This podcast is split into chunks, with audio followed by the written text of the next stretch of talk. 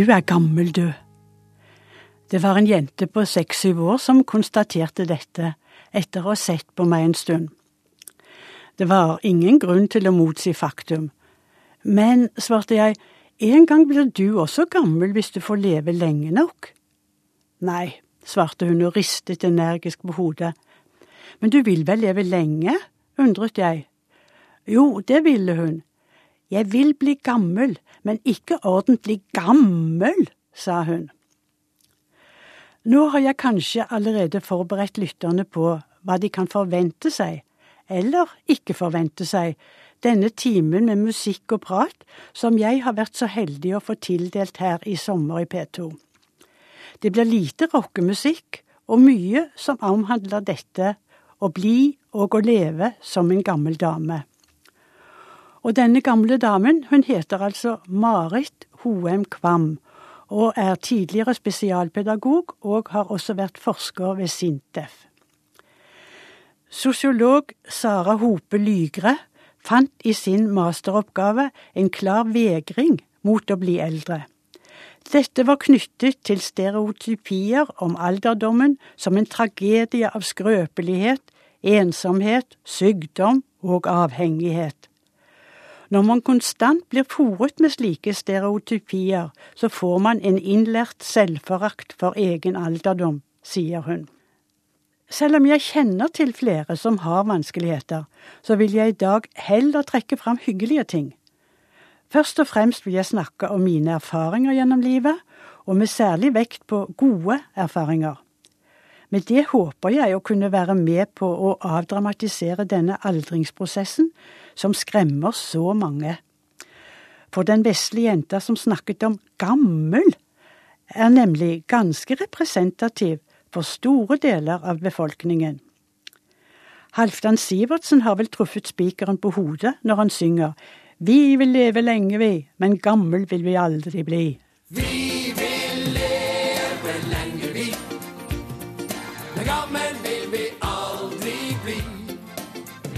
Halvdan Sivertsen er ikke den første som har snakket om at vi vil leve lenge, men ikke bli gamle. Allerede før kristen tid skrev Cicero om alderdommen som alle ønsker å oppnå, men klager over når de har oppnådd den. Nå som jeg selv omgås mange på min egen alder, hører jeg ikke så mye klaging. Jeg vet ikke om vi føler oss gamle heller, selv om vi kan sukke over at vi glemmer eller at vi ikke får gjort så mye. Men her må det selvsagt tilføyes at verken vennene mine eller jeg utgjør noe representativt utsnitt av befolkningen. Vi er bare eksempler på hvordan det kan være når man blir eldre. På hvilket tidspunkt går man over en grense og blir gammel? For meg har grensene flyttet seg hele tiden. Jeg husker da jeg var 16 Min søster hadde kjøpt et ukeblad hvor det sto at hvis man smurte olivenolje på øyenvippene hver kveld, ville man få lange øyenvipper.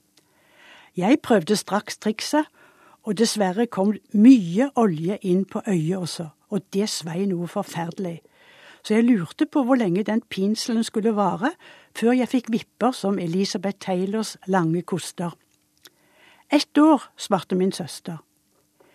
Ett år. Jeg ble så skuffet. Om et helt år var jeg blitt 17 år. Hva skulle jeg med lange øyenvipper når jeg var så gammel? Senere ble det slik at gamle mennesker, det var de som var minst ti år eldre enn meg. I dag er også dette blitt moderert. Som nyslått 80-åringer synes jeg ikke noen er gamle. Ikke så rart, egentlig. Det er etter hvert blitt ganske få som er eldre enn meg. Synet på hvem som er ung, har også forflyttet seg.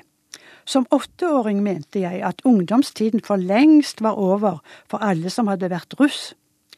Nå, som 80-åring, er alle under 60 år unge. Og er du under 50, ja, da er du bare barnet.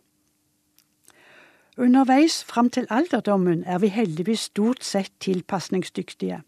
Enten vi velger å kalle oss voksne godt voksne, eldre, litt oppi årene, senior, pensjonist, tilårskommen, kommet til sjelsår og alder, eller gammel. Vi trøster oss selv underveis. Man hører ofte utsagn som dette. Stakkars Per, han kan nesten ikke gå.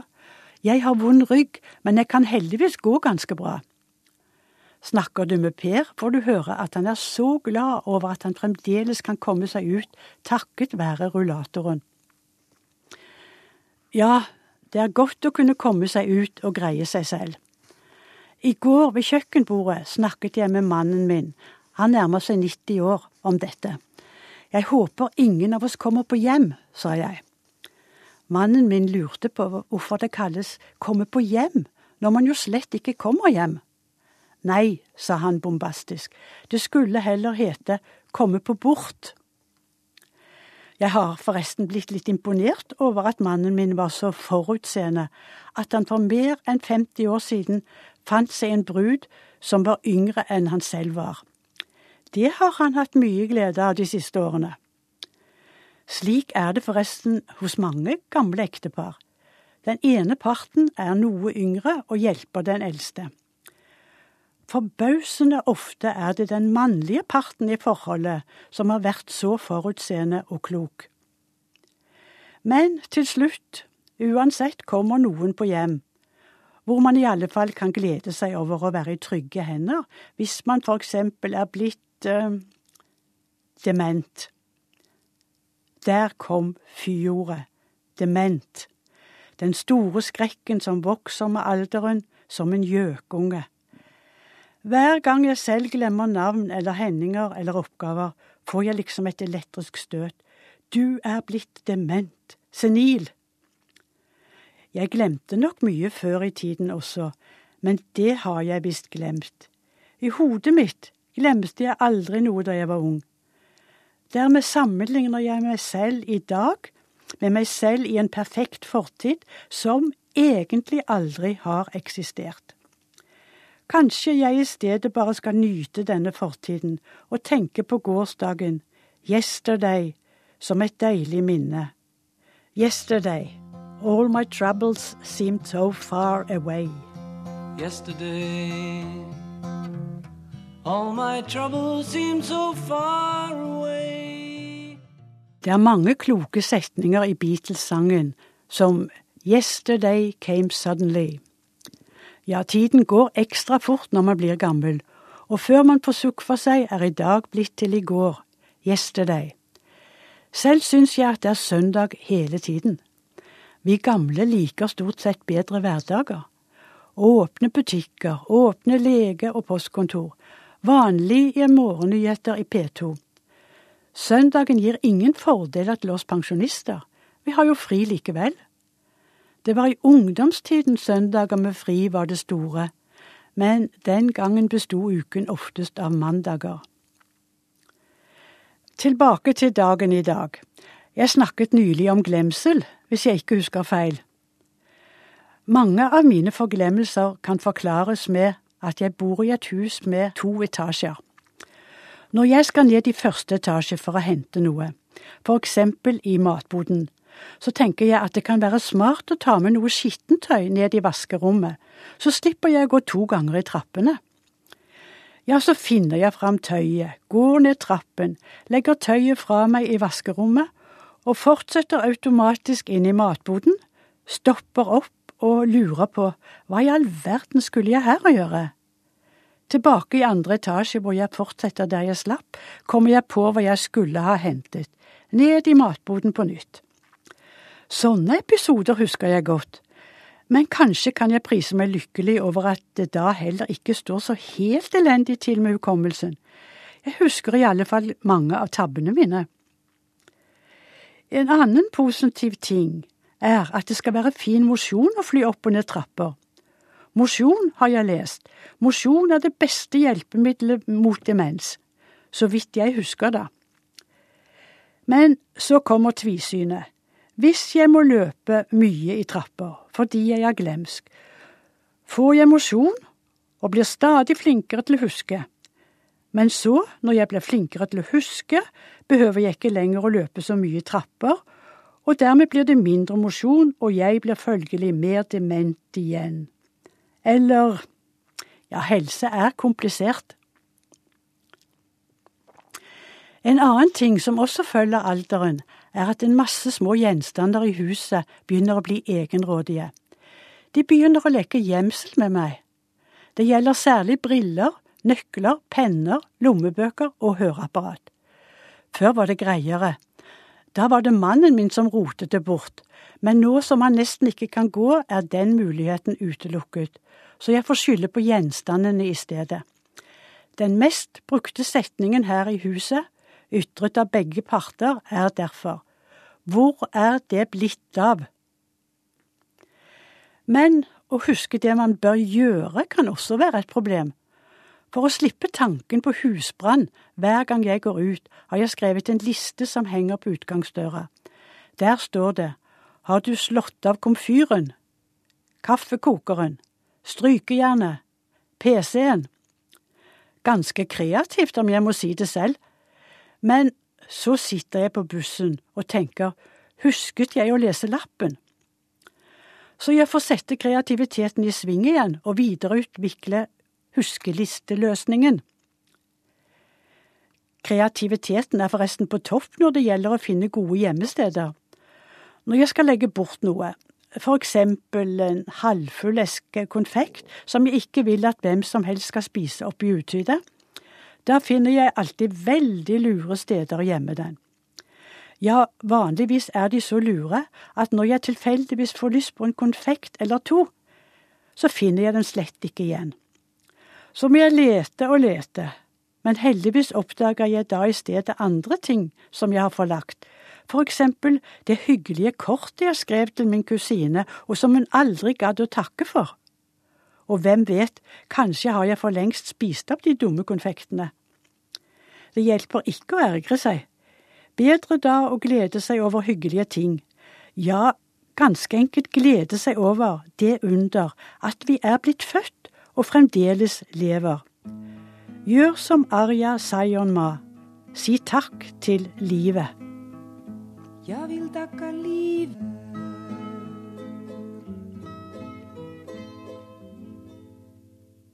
Jeg vil takke livet, eller Gracias a la vida, ble spilt inn i Chile i 1966. Chilenske Violetta Parra har laget både teksten og melodien, det tragiske er at allerede året etter denne takken til livet tok Violetta Parra sitt eget liv. Teksten er så vakker, for eksempel Jeg vil takke livet som gitt meg så mykket, det har gitt meg ljudet så at jeg fikk orden og hele alfabetet for tankene jeg tenker. Også jeg takker ofte for at jeg har fått ordene, et språk, akkurat som du har, du som lytter. Det er jo helt fantastisk at man kan forstå hverandres tanker på denne måten. Tanker kan selvsagt også formidles uten ord, såkalt nonverbal kommunikasjon, som er en viktig del av tankeformidlingen. Tenk hvor mye man kan si med et rasende ansiktsuttrykk, en irettesettende pekefinger eller et vennlig smil. Mennesket kjennetegnes likevel først og fremst gjennom verbal kommunikasjon, som altså er språklig. Et språk har et system av regler hva gjelder ordvalg, setningsbygning, grammatikk og bruk som er felles for den gruppen som benytter dette språket. Det finnes mellom 6000 og 7500 forskjellige språk i verden. Men om lag halvparten av verdens befolkning bruker de fem vanligste språkene, nemlig mandarinkinesisk, spansk, engelsk, hindi og arabisk. Det er jo helt fantastisk dette med talespråket. Først har en person, la oss kalle ham Oskar, en tanke. Språksenteret i Oskars hjerne leter fram de ordene som er dekkende for tanken. Hans motoriske senter i hjernen sørger for at luft fra lungene setter i gang vibrasjoner i stemmeleppene. Lynraskt reagerer leppe, tunge, ganeseil og munnhule med å forme de lydene som samsvarer med det språket Oskar har lært. Det som Oskar da sier, er blitt til lydbølger som treffer øret til en som lytter. La oss kalle henne Astrid. I samme øyeblikk når lyden til språksenteret i Astrids hjerne. Her tolkes Oskars tale, og det skjer gjennom vårt fornurlige hørselsorgan, som jeg vil si litt mer om senere. Dette er det normale. Men noen mennesker har dessverre språk- eller talevansker, ofte i form av afasi eller dysfasi.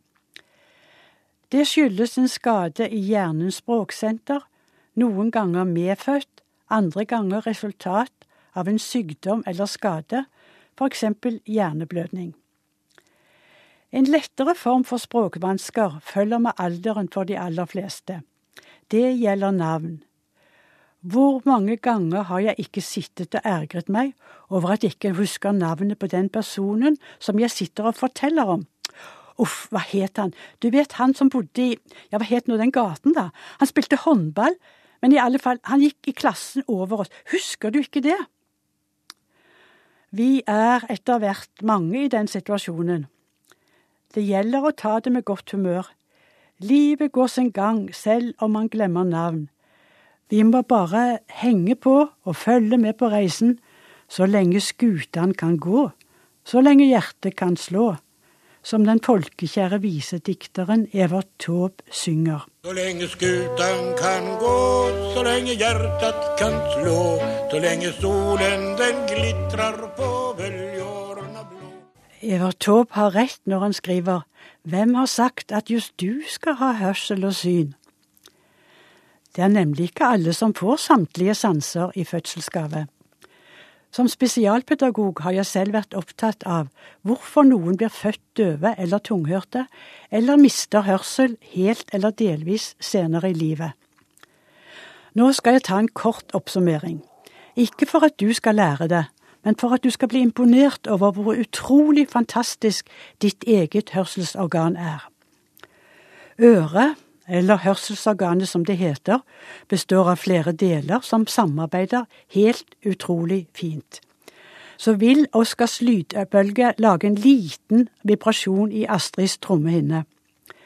Straks omdannes da lydbølgen til mekanisk energi, som overføres til ørebenene, som i sin tur trykker på væsken i sneglehuset, slik at det nå blir en bølgebevegelse i væske. Ørsmå hårceller omsetter bølgen til elektrisk energi i sansecellene, som leder til hørselssenteret i Astrids hjerne. Altså, bølgeenergi i luft blir til mekanisk energi i fast legeme, blir til bølgeenergi i væske, blir til elektrisk energi i sanseceller. Er det ikke utrolig at så mange mennesker har normal hørsel? Dessverre blir hørselen dårligere med årene. Ungdom som utsetter seg for støy eller mye høy musikk, løper en ekstra risiko og kan få et permanent tap. Forleden så jeg, og hørte, en ung mann som sto med et trykkbår. Jeg viftet til ham. Til slutt slo han av bordet, og jeg fikk nevnt ordet hørselsvern, men da ristet han på hodet. Nei, sa han, det behøves ikke, dette er overtid. Jeg tipper denne mannen tidlig vil oppleve både øresus og nedsatt hørsel. Han blir ikke alene om det. Vi vil alle merke hørselsproblemer hvis vi lever lenge nok. Og så blir det jo et tilleggsproblem, for unge mennesker i dag snakker så fryktelig fort. Det var noe helt annet da jeg var ung. Da snakket vi så langsomt og tydelig hvis jeg ikke husker feil, da. Man regner med at i år 2020 vil det være én million hørselshemmede nordmenn. Du som snakker med tunghørte eller eldre, husk å snakke rolig og tydelig, og la vedkommende få se munnen din, og dermed støttes av munnavlesning. Kanskje det med tiden blir din tur til å miste litt av hørselen. Det kan nemlig hende hvem som helst. Tenk på Ludvig van Beethoven. Han var jo nærmest døv da han døde, i 1827, bare 57 år gammel. Likevel kunne han lage vakker musikk. Her har jeg valgt siste sats av Beethovens sonate nummer 14, framført av en av Norges mest anerkjente pianister, Einar Sten Nøkleberg.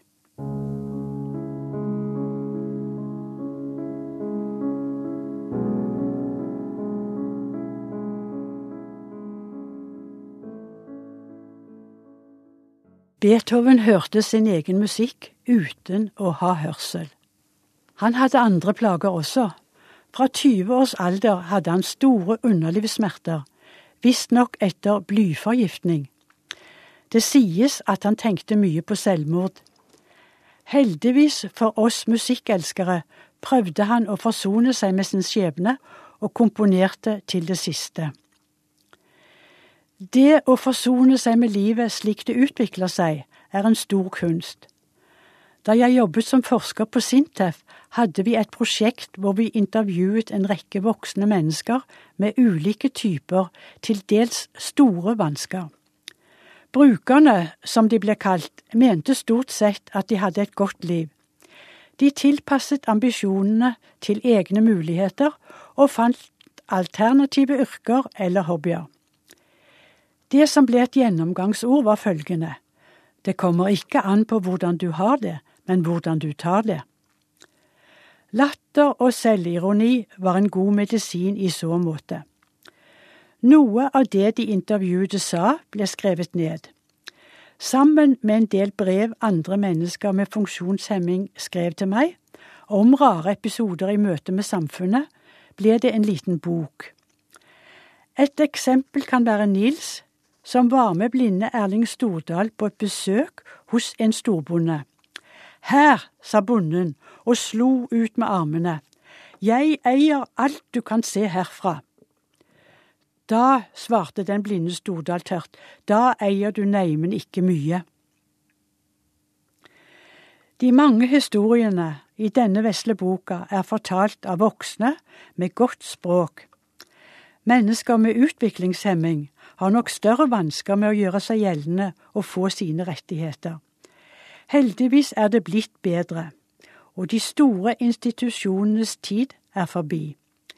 I boka I hodet på en gammel dame forteller Tordes Ørjasæter, foruten en masse interessant stoff om alderdommen generelt, også litt om å være foreldre til utviklingshemmede barn. Hun forteller om sønnen Dag Tore, som nylig fylte 60 år og ble feiret sammen med dem han var knyttet til. Ørja Sæter skriver Jeg skulle visst den gangen, da jeg var nedtynget av bekymringer både for hans nåtid og i særlig grad hans framtid, at Dag Tore skulle få et så godt liv som voksen. Sønnens meningsfylte liv har selvfølgelig gjort henne lykkelig. Ja, for nettopp sånn er det.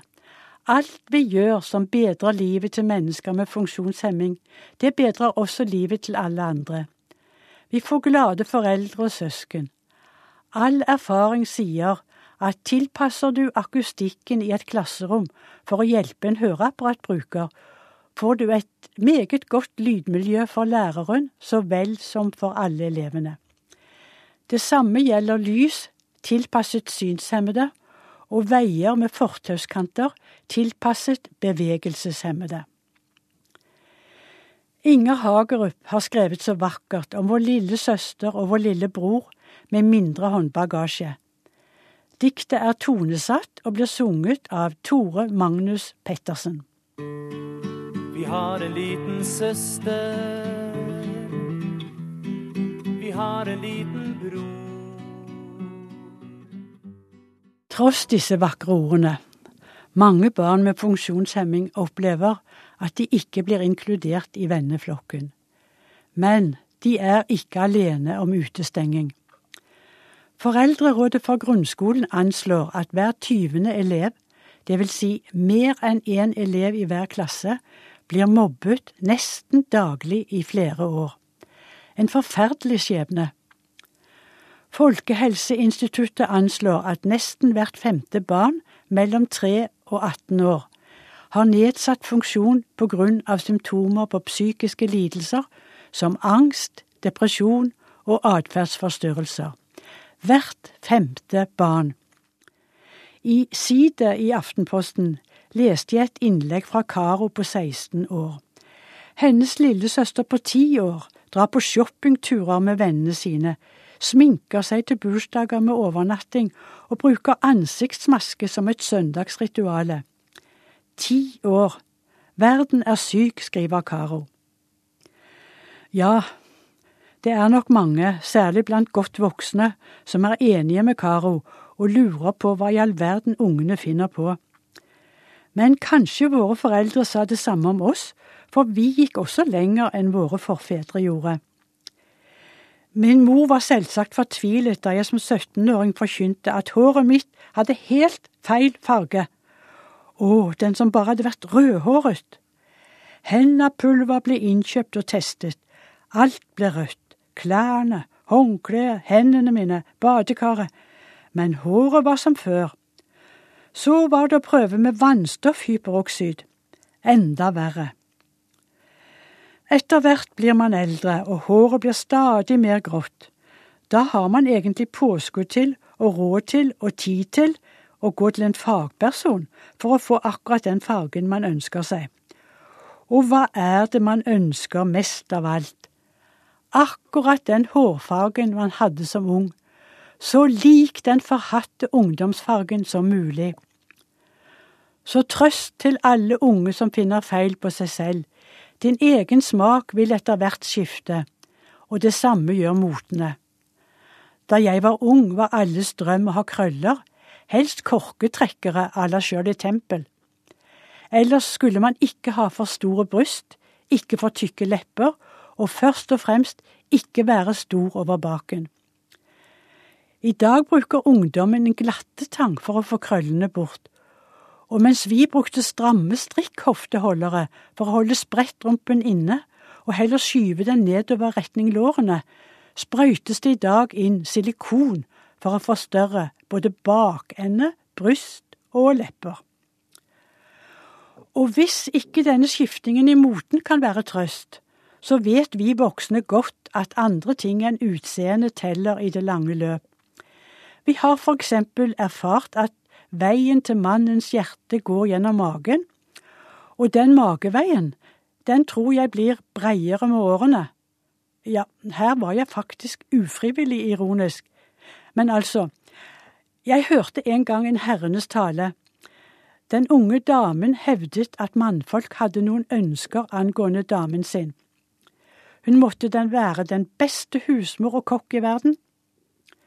Hun måtte være ballets dronning, når de var på fest. Hun skulle ikke menstruere. Se der, ja, noe for oss gamle. Vi har i alle fall erfaring når det gjelder å lage god mat. Det med ballets dronning er litt verre, så der har jeg ingen tips å gi.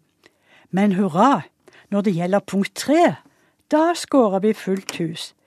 Vi menstruerer absolutt ikke, vi behøver ikke å huske å kjøpe inn bind eller tamponger eller engste oss for røde flekker bak. En glede som godt voksne og eldre damer kanskje bør tenke oftere på. Og våre omgivelser, de kan glede seg over at de slipper samlivet med en premenstruell kvinne. Dessuten svetter vi mindre og har halv pris både på tog og buss. Mye å være glad for, tross alt. Nå gleder jeg meg dessuten over at tiden med isglatte veier og brodder for lengst er over. Få sanger kan vel minne oss bedre på dette enn Hans Hyllbakks Vårsøg fra 1945, senere tonesatt og her sunget av Henning Sommero. Nå skin det sol, er høgste Svea lia. Vi kan glede oss over dagen i dag og kanskje kan vi også glede noen andre. Det faller derfor naturlig for meg å avslutte denne timen med takk til hver eneste en av dere som har lyttet, uansett alder, med en av mine egne sommerviser. Denne heter Karpe Diem, Grip dagen. Her sunget av Per Sandvik og Mari Maurstad.